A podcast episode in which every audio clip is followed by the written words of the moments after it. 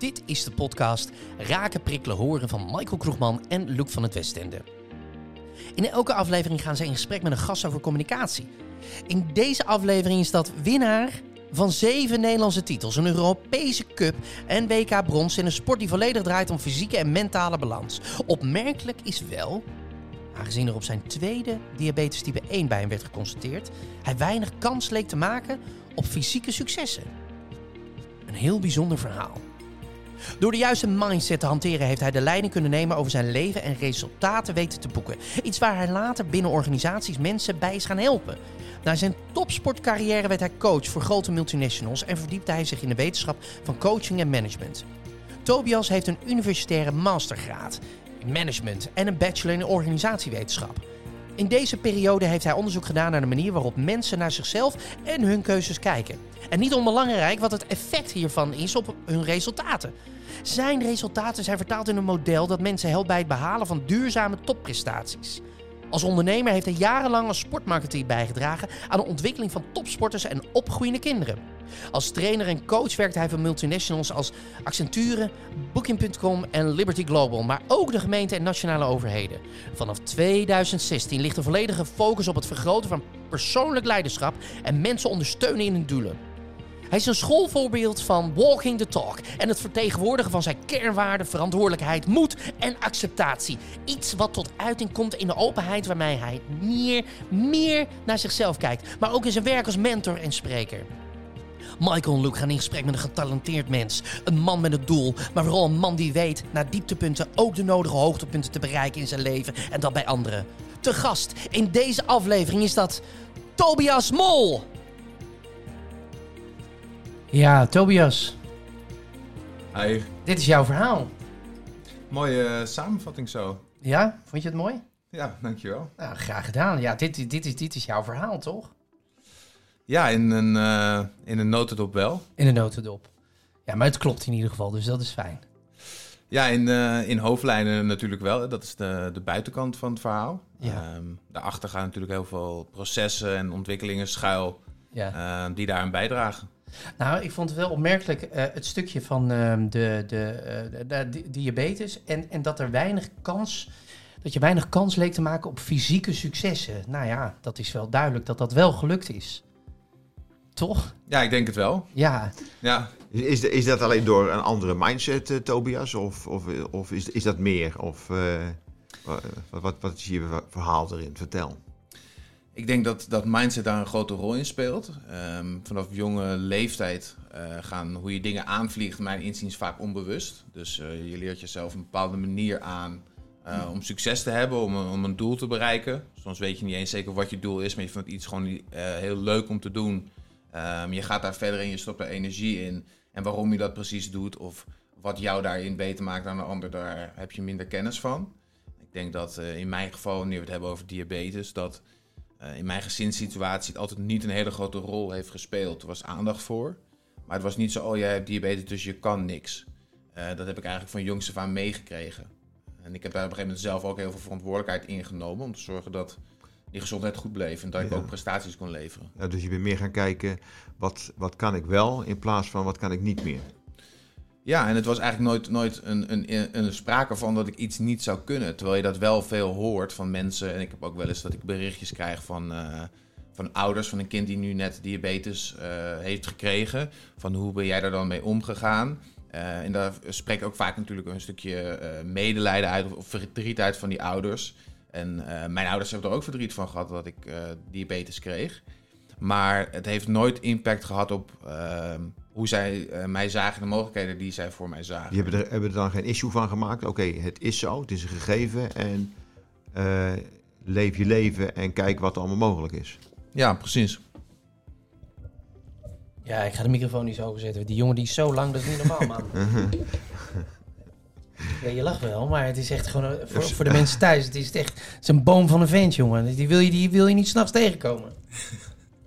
Toch of niet, Luc? Eh, ik, volgens mij is het een hele vriendelijke man. Met een eh, klein hartje, zeggen ze dan. Een klein hartje, Is ja. het beter of niet, Tobias? Ja, stop, Ja, dankjewel. oké. alsjeblieft. ja. Hey, eh, je familie, je gezin eh, waar je uitkomt, daar zeg je op een gegeven moment over van, eh, nou, in ieder geval, er was wel aandacht, maar ook vooral inderdaad wat Luke net zei van wat wel. Je, je ouders hebben je altijd gesteund in datgene wat je, ja, om je doelen te behalen? Ja, zeker. En daar ook in ook mijn eigen keuzes laten maken. Ehm, ik denk dat dat, ehm, ja, je ziet het wel, met name met, met, met sportouders. ehm, ik, ik, Luke zit hierbij, ik heb geen idee hoe dat bij jullie is gegaan, maar ik zie wel eens aan langs de kant bij trainingen dat er ouders zijn die het nog eh, belangrijker lijken te vinden dan het kind zelf. En ik denk op een bepaalde jonge leeftijd dat dat eh, niet goed is. Eh, dat je kinderen daar niet te veel in, in moet pushen, dat het echt vanuit het kind zelf moet komen. En ehm, ik ga er eigenlijk vanuit bij, bij mensen die ik, die ik begeleid, die ik coach, ehm, dat iedereen op een van drie manieren een bepaald doel probeert te behalen. En die manier die komt vaak voort uit de manier waarop ze naar zichzelf kijken en waarop ze naar de wereld kijken. Ehm, en voor mij was die manier altijd heel hard werken. Heel veel verantwoordelijkheid nemen voor wat je doet. Je hebt een doel. Er is één manier om daar te komen. Dat is zo hard mogelijk rennen. Eh, je gaat harder werken dan iedereen om je heen. En je gaat stoppen als je er dood bij neervalt. bij En, en dat moet het verschil gaan maken. dan. Dat moet het verschil gaan maken. En in eerste instantie had ik daar ook veel succes mee. Ehm, zeker bij de junioren in het judo. Ik ehm, was veel serieuzer dan mensen van mijn leeftijd. Ik eh, was er dag en nacht mee bezig en ik werd eh, Nederlands kampioen, derde van de wereld. Toen dacht ik echt, ja, wat, wat nu? Hè? Ik had nog een jaar in dezelfde leeftijdscategorie over. Het enige wat de vervolgstap was, was dan wereldkampioen Ja, worden. is het enige wat overblijft. Hè? En wat moet je dan doen? Ja, als ik nog meer van hetzelfde resultaten wil krijgen, dan moet ik nog meer van hetzelfde gaan doen. Harder werken. En er zit ergens natuurlijk een max aan. Ja. En eh, we waren een keer op trainingskamp in Sint-Petersburg. En ik ik kan echt niet meer. Ik was helemaal kapot. En dacht, eigenlijk moet het slimste zou nu zijn om te stoppen. Maar ik had niet geleerd om, om, dat te doen. Want om succesvol te zijn moest ik doorgaan. Rennen. En twee weken later, uh, thuis in Haarlem op training, brak ik mijn enkel. Op een gegeven moment houdt het dan toch op als je alleen maar vanuit doorzettingsvermogen en verantwoordelijkheid uh, dat doet. Toen moet ik echt nagaan denken, oké, okay, wat zijn nou andere invalshoeken om naar mezelf en naar mijn doelen te kijken? Ja. Kan ik dat efficiënter, uh, meer vanuit uh, wat bij mij past gaan doen. En waar ben je op uitgekomen?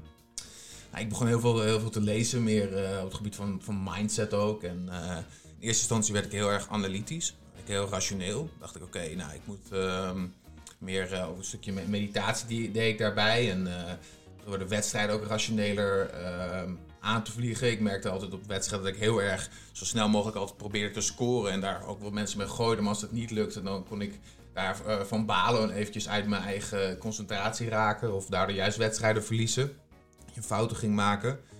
Um, door dat rationele veranderde dat. Uh, werd ik tactischer.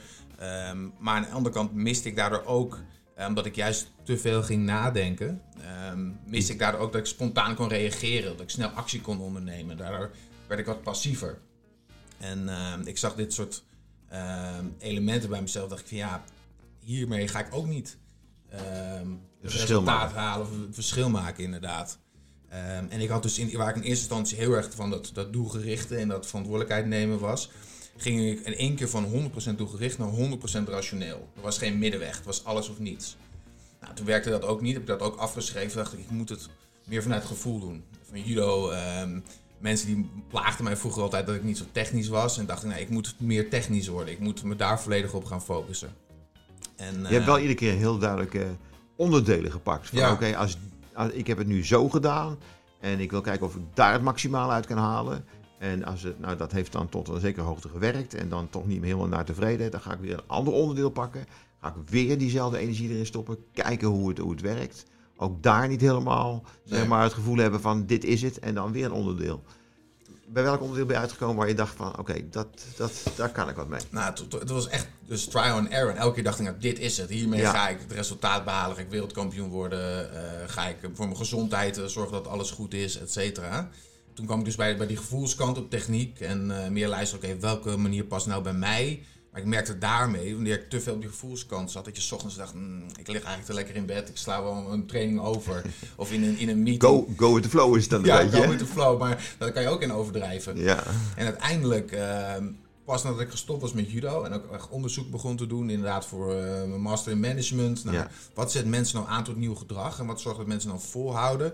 Uh, kwam ik uiteindelijk in eerste instantie uh, zelf tot het inzicht. Ik moet niet één van die drie elementen gebruiken. Maar ik moet ze weten te combineren. Dus ik moet in elk moment uh, moet ik zowel iets kunnen bekijken vanuit ratio, vanuit overzicht. Niet door mijn gevoel alleen maar laten leiden, maar erboven kunnen uitstijgen. Ik moet wel uh, in de situatie kunnen aanvoelen wat heeft deze specifieke situatie nodig. En hoe sluit dat aan op mij, op mijn talenten? Welke talenten kan ik daarop inzetten? En vervolgens, wat kan ik doen om ook door te zetten bij het plan, bij het beste aanvalsplan wat ik net heb geïdentificeerd. En die drie dingen, um, dat maakt voor mij succes. En ik herken dat ook aan mensen in hun communicatie bijvoorbeeld. Je kan precies aan iemand zien welke van die drie invalshoeken iemand gebruikt om naar zichzelf in het leven te kijken. Aan de woorden die iemand gebruikt. Um, hoe actiegericht iemand is of hoe analytisch iemand is. Hoe snel zie je dat dan? Het wisselt een beetje per persoon. Um, maar ik denk wel, als je iemand een paar minuten spreekt, dat je dat wel inzicht, er inzicht in hebt. Ja, heb je een idee, zeg maar, je hebt eh, Michael en mij nu nou even kort gesproken. Ja. We kennen elkaar iets langer. Hebben elkaar wel lang niet gezien. Maar, maar hoe schat je dat bij ons in? Heb je, heb je dan direct al een beeld van? Oké, Michael dat is, die doet het ongeveer op die manier. En Luke doet het ongeveer op die manier. Heb je een idee? Als ik eh, zou moeten gokken, uh, voor Michael denk ik uh, heel erg vanuit de gevoelsmatige kant. Um, en bij jou vind ik het iets lastig. dat snap ik. Dat snap ik. zou ik denken een, een combinatie dus uh, als ik eentje eruit zou moeten kiezen, zou ik meer vanuit het doelgerichte inschatten. Okay. Maar ik heb een, uh, een test ontwikkeld, zal ik jullie nog wel sturen. Oh, kan je oh, zelf, leuk, komt leuk, leuk, leuk. komt er dan uit. Ja. ja, nee, maar ik vind als je, dit, dit, soort dingen vind ik altijd wel ja, de moeite waard om daar eens even goed bij stil te staan. Want ja, goed, je gaat toch kijken hoe kan je iemand ja, op een andere manier laten functioneren. Slechts betere manier of, of wat, wat die ander dan ook zeg maar daaruit wil halen. Of wat je er voor jezelf wil uithalen. Ja. Dan is het goed om te weten van ja, waar, waar zit dan mijn voorkeur? Ja, ik zeg altijd, uh, de manier waarop je naar jezelf en, en, naar je doelen kijkt, dat bepaalt uiteindelijk uh, de acties die je onderneemt en bepaalt uiteindelijk je resultaat. Dus het eerste uh, wat je moet doen is goed leren kijken. En vanuit mijn ervaring en optiek is dat vanuit die drie invalshoeken naar elke situatie leren kijken. Ja. Ik wil nog even terug naar Sint-Petersburg. Um, daar, dit is een prachtig verhaal wat je vertelt. En natuurlijk ook uiteindelijk wat, wat je nodig hebt gehad hè, om je verder te krijgen. Uh, de breuk. Denk je nu, als je nu terug, en dat is misschien een hele gekke vraag die ik nu stel hoor, maar als je nu terugkijkt naar dat moment, um, was je wel zeg maar één met jezelf? Ja, dat klinkt weer heel vaag misschien, maar door, door die breuk, heeft de breuk jou uh, op, op andere gedachten gebracht? Of heeft het ook de gedachte gebracht van, ja, zie je, dat is maar gewoon mijn eigen fout. Dit had, dit had ik kunnen voorkomen als ik dit en dit en dit had gedaan. Ja, later dan in je analyse, dat snap ik. Mm nou, ik denk op het moment zelf in Sint-Petersburg wist ik eigenlijk wel wat op dat moment het beste voor mij was. Namelijk uh, een training overslaan of wat rust nemen. Maar ik deed dat op dat moment niet. Dus ik had uh, wel het, het, op zich wel het overzicht van wat ik moest doen. Maar ik kon daar niet volledig achter mijn eigen keuzes nog staan. Maar hoe komt dat dan? Want je wist het wel, zeg je. Ja, ik wist het wel. Maar ik had zo erg geleerd van dit. Ik wist als ik het zou aangeven bij de uh, trainer op dat moment van ik moet overstaan, dan had hij daar akkoord mee gegaan. Maar ik had zo erg geleerd bij mezelf van dit is de manier om succes te hebben. Dit is de enige manier dat ik daar gewoon in doorging. Streberig. Ja, streberig, maar ook niet, uh, uiteindelijk niet efficiënt. Omdat ik, ik uh, heb uh, zoveel weken in het gips gezeten. Dat heeft me uiteindelijk ook niet verder geholpen. Die week kan je ook niks doen. Nee. Dus um, ja, ik denk achteraf erop terugkijkend dat ik um, het zeker een ommekeer is geweest in oké, okay, ik moet niet alleen maar vanuit één weg één weg naar Rome zien, maar juist vanuit verschillende ja, manieren dat bekijken. Ja, en, en, vooral, wat heb, wat heb jij nodig of wat, wat heeft dan de persoon nodig om ja, tot uh, andere resultaten te komen? En dat is voor iedereen inderdaad anders. Ja, ja, ja ook al wat het resultaat is dan voor die andere mag betekenen. Ja, zeker. Ja. Uh, je, je, hebt een, ontwikkeld dat in een model, heb ik, heb ik gelezen. Hoe, hoe, pas je dat toe, zeg maar, voor, voor bedrijven, voor organisaties. Vooral voor mensen. Ja, je, je ziet eigenlijk wat, wat ik zelf heb meegemaakt. Die drie principes die zijn echt universeel. En ik dacht bij mezelf altijd van nou, de uitdagingen waar ik tegenaan loop. Ik ben de enige in de wereld die dat heeft. En niemand kan me erbij helpen behalve ikzelf.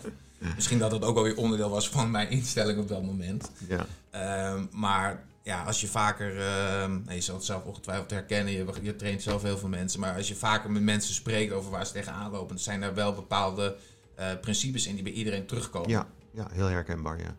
ja de belemmeringen die ze hebben of uh, nou, de, de vraagstukken, die, de inhoud daarvan, daar zitten variaties in, maar de principes erachter die zijn universeel, denk ik. En ik zag dat ook toen ik bij, bij Accenture ging werken voor multinationals van de gemeente.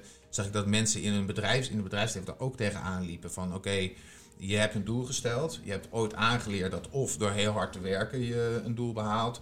Of door juist uh, elke stap die je neemt over te analyseren. En dat kan uh, naar voren komen in belangrijke keuzes van ik wissel van baan. Maar ook ik heb dit mailtje getypt. Ik ga het nog een keer 100 uur, uh, 100 keer doorlezen voordat ik het verstuur. Uiteindelijk stuur je één mailtje op een dag. Ehm, dat soort elementen zag je ook gewoon bij mensen in het bedrijf. En ehm, ja, ook daar eh, hebben mensen er voordeel van om dat vanuit die drie invalshoeken te bekijken. Ja, als, als, je, als, als, stel wij maken die test en daar komt iets, eh, iets uit. Uh, kan er dan iets uitkomen dat je dan op één onderdeel je veel, veel bekwamer moet maken? Of dat je je daar veel meer op moet richten om dan, dan de balans in te krijgen? Of hoe moet ik dat, hoe moet ik dat precies zien? Ja, de, de test is eigenlijk een, een, een startpunt voor jezelf om, om verder te gaan ontdekken. Dus je ziet eh, één van die drie invalshoeken. We gebruiken allemaal één van die drie invalshoeken het meeste. En dat is op zich niet erg, maar je moet ook wel kunnen schakelen. En ehm, voor mij was die eerste dan heel erg, nou, doorzettingsvermogen zitten voor- en nadelen aan. En elke invalshoek zit er voor- en nadelen. En het voordeel van de ene invalshoek, bijvoorbeeld vanuit het doorzettingsvermogen natuurlijk, dat je heel daadkrachtig bent en actiegericht bent. maar, stel, maar, stel, als je dat dan bij jezelf ontbreekt. Mm eh, kijk, ik kan me bepaalde zaken kan ik goed voorstellen dat je die kan aanleren. Maar bijvoorbeeld uh, doorzettingsvermogen. Hoe, hoe, kan iemand dat zich eigen maken? Hoe, kan, je dat bij iemand veranderen? Stel dat de andere dat wat minder heeft of misschien wel niet heeft. Hoe, pak je dat dan aan? Ik denk door um, in eerste instantie voor jezelf, er zijn verschillende manieren natuurlijk voor, maar in eerste instantie voor jezelf duidelijk te maken uh, vanuit die andere twee invalshoeken, je één invalshoek ontbreekt. Ehm, welke, uh, hoe kan je de andere twee invalshoeken inzetten uh, om meer inzicht te krijgen in waarom het op dat andere punt ontbreekt. Dus die invalshoeken versterken elkaar. Waar bijvoorbeeld eh, iemand die heel goed vanuit gevoel handelt een kracht heeft dat hij zichzelf goed kent, naar zijn waar lichaam luistert, met anderen beter kan connecten. daarbij ligt de zwakte dat iemand bijvoorbeeld niet daadkrachtig genoeg is. Dan ga je eerst onderzoeken vanuit die andere kant waarom zit hier zo'n sterke nadruk op? Wat blokkeert eigenlijk dat je op die, op dat andere kant minder naar voren komt? Uh, en uiteindelijk leer je dan ook bepaalde um, afspraken met jezelf te maken van oké, okay, dit is wat ik wil doen, dit is de manier waarop ik het wil bereiken. En deze middelen ga ik, een soort van safety measures noem ik dat dan, ga ik inbouwen in mijn plan om mij daarbij te helpen. Maar het is natuurlijk een continu proces. Je bent er niet in één keer. Dat is echt een spier die je moet trainen. Ja, ja maar ik weet, Luke, wat er nu al uit gaat komen. Namelijk, wat ik te veel heb, heb jij te weinig en andersom. Dan houden we elkaar mooi in. zijn een mooi team, ja. Nee, maar ja. het is wel zo. Want uh, wat Tobias ook zegt. Ik bedoel, uh, de connectie maken. Ik zeg niet dat jij dat niet maakt, maar... Jij zegt bijvoorbeeld wel eens, ik, uh, jij haalt nooit thee voor mij. Ik haal altijd koffie voor jou. Ja, daar word jij even stil van. Goed, hey uh, Tobias, we gaan naar, naar de kaarten je toe. wel een dingetje. Ja, ja, ja, ja, we gaan naar de kaarten toe. Je, je mag ze schudden en uh, uh, trek er eentje uit. En dan gaan we horen wat, hoe jij daarnaar kijkt, wat jij ervan vindt, hoe je het benadert. Even kijken. Nee zeggen. Nou. Mooi. Um, ik, weet je, het is echt, bij elke gast is het zo. Het is niet, ik bedoel, eh, we hadden het net ook bij Nieuw. Je trekt je eigen kaart. Maar het is heel toevallig dat je ook deze kaart trekt. Ja, ik denk dat. Um, het is voor mij wel inderdaad wel een bijzondere kaart. Het past wel bij mij om deze kaart te trekken. Maar ik denk, um, in tegenstelling tot mensen verwachten bij mij, vind ik het moeilijk om nee te zeggen in dingen. Niet met alles. Niet uh, zozeer in zakelijke zin. Maar in de privésfeer kan ik dat wel vinden. Um, wat eigenlijk haak staat tegenover, uh, tegenover dat doelgerichte van, van mij. Ik heb bijvoorbeeld een doel um, en andere dingen die niet bij passen, zou je zeggen, het is makkelijk om daar dan nee tegen, zeggen, tegen te zeggen. Um, maar ik denk dat, ik, dat je die drie invalshoeken in fases meer of minder gebruikt in je leven. En dat ik een tijdje ook ben doorgeslagen in een andere, va in een andere invalshoek. Dus meer vanuit de gevoelskant en meer begrip vanuit de ander. Dus uh, misschien nog een, een dingetje wat is blijven hangen. Maar ik ben ermee uh, aan de slag. Iets in, in wording. Ja. Mooi, mooi, Nou ja, ik moest gelijk aan het kaartje denken vanwege Sint-Petersburg. Dat je eigenlijk het wel wist. Maar niet voldoende nee tegen jezelf zei. En toch dan weer, omdat je ook al zei van ik heb één doel voor ogen en dit is één manier die werkt het beste. Dus ik vond het wel heel grappig dat je die, ja, die trok. Ja, ook dat. Ja. Je mag er nog één uh, trekken. kijken of die ook zo toevallig is. Gezichtsverlies. Nou, ben benieuwd. Ik zeg helemaal niks meer. Ik ook niet. ja, ik denk dat um, iedereen in bepaalde uh, mate een ego heeft. En uh, ik ook daarbij. Um, gezichtsverlies is, is voor, niemand, voor niemand leuk. Um, maar ik denk dat afhankelijk van ook hier weer de invalshoek die je gebruikt, uh, gezichtsverlies uh, erger of uh, minder erg kan worden ervaren. Ook, dus nu... Ben je ermee bezig als je zeg maar aan het ondernemen bent? Hè? Want je bent volop aan het ondernemen. Ben je dan bezig van, oké, dit zou mijn ego kunnen schaden? Of, of denk je daar helemaal niet over na? En ben je zo overtuigd van datgene wat je, wat je doet, dat dat zeg maar meerwaarde voor een ander kan hebben? Dat je niet denk, nadenkt over dit, dit, dit, kan ook de andere kant op gaan en daardoor gezichtsverlies leiden. Denk je daar überhaupt wel eens over na? Op dit moment niet meer. Uh, ik begin, toen ik begon met ondernemen, moest ik wel even een, een drempeltje over om iemand, uh, om koude acquisitie te plegen, of iemand gewoon te benaderen, iemand aan te spreken uh, met een mogelijkheid. Ehm, nu ben ik er nog wel mee bezig natuurlijk als je een, bepaalde uiting doet uh, of een bericht schrijft natuurlijk. Hè, dat het belangrijk is dat je daar een uitstraling voor hebt. dat het uitstraling is van je bedrijf, van jezelf. Uh, maar op dit moment ben ik er niet heel bang meer voor. Je staat er nou voor jezelf steviger in. Ja. En je weet waar je mee bezig bent. Zeker. Ja, ik vind deze twee kaarten ook wel heel grappig. Je, je trekt ze en dat, dat, die, die zitten natuurlijk ook een beetje in jouw verhaal, in je geschiedenis. Mm -hmm. Maar het is ook mooi om te horen dat eigenlijk na de analyse je echt tot een stukje, nou ja, logisch, bewustwording bent gekomen van ja, wacht eens even, maar dit laat ik me niet meer gebeuren. Ik laat het niet meer zo ver komen. Weet je, de, dat nee zeggen, dat moet ik inderdaad ook wat vaker inzetten. Simpelweg, dat gaat me verder brengen. Dus dat vind ik wel heel grappig. En net zoals uh, deze kaart ook weer. Ze komen terug in je geschiedenis. Maar het is ook weer opmerkelijk om te horen dat, dat in het nu, zeg maar, waarin je zit, hè, de, de keuzes die je maakt, dat je daar veel bewuster mee bezig bent. Ik vind het heel mooi. En ik denk ook wel dat uh, geen gezichtsverlies willen leiden, voor heel veel mensen, voor mij was dat zeker ook zo, een reden kan zijn om juist heel veel uh, heel erg door te blijven zetten in een gekozen weg. Uh, in... of, of, of simpelweg niet te doen. Ja, ook dat. Ja. Of uh, inderdaad het niet te doen om dan niet te kunnen falen. Of juist wanneer je merkt dat wat je nu hebt gedaan, of, of stoppen met topsport, of, iets, of het nou iets anders is, dat dat niet meer werkt bij jou, niet meer bij je past. Dat kan ook een soort van falen voelen. Je hebt ook mensen die wel doorgaan terwijl ze het eigenlijk niet meer willen. Dat is dan ook niet iets waar je dan zelf gelukkiger van wordt, denk ik. Dat denk ik ook. geen resultaten behaald. Nee, absoluut. Lijkt mij. Je mag er nog eentje trekken. Humor. Wat is dat? Zo, laat maar. Dit is. Humor. Um, super belangrijk natuurlijk. Um, en mis ik wel eens in mijn, uh, in mijn dagelijks werk. kan wel eens te serieus zijn. En uh, met vrienden is dat anders. Maar ik heb wel eens dat ik zo doelgericht ben dat ik te uh, bezig ben met het eindresultaat. En dat ik wel iets minder de humor in de kleine dingetjes zie.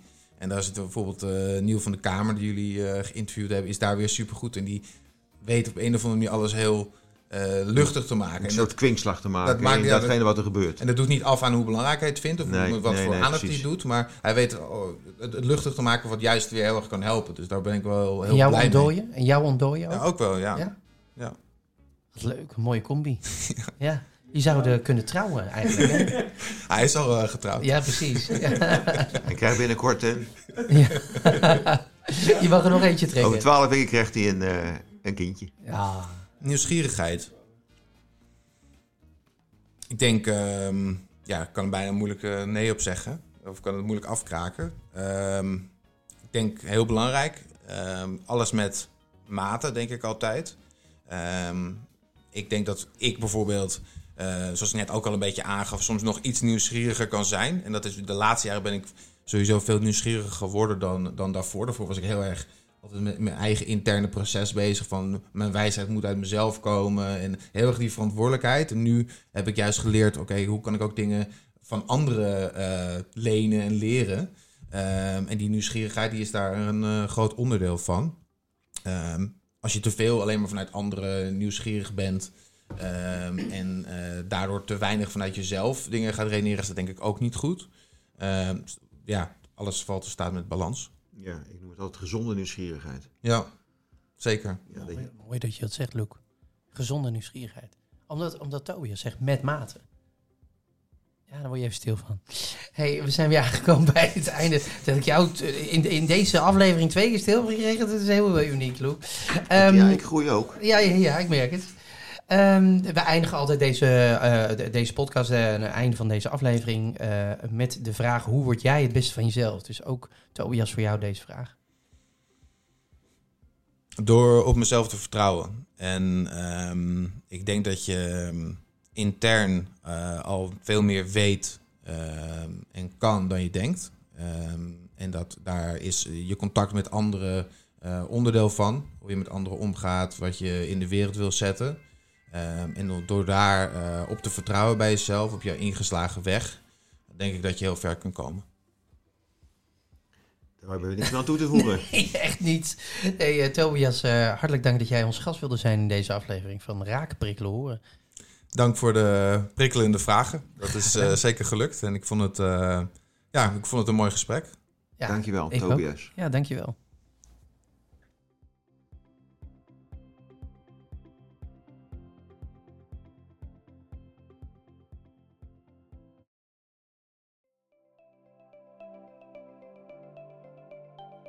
Leuk dat je hebt geluisterd naar de podcast Raken, Prikkelen, Horen. Hoe word jij het beste van jezelf? Wil je meer afleveringen beluisteren? Ga dan naar goaltrainingen.nl, raken, prikkelen, horen.nl of de diverse podcastplatforms. En vergeet je dan niet te abonneren. Luister binnenkort naar meer interessante gasten in de podcast Raken, Prikkelen, Horen. Hoe word jij het beste van jezelf? Deze podcast is mede mogelijk gemaakt door Goaltrainingen en Studio 751. Tot de volgende keer.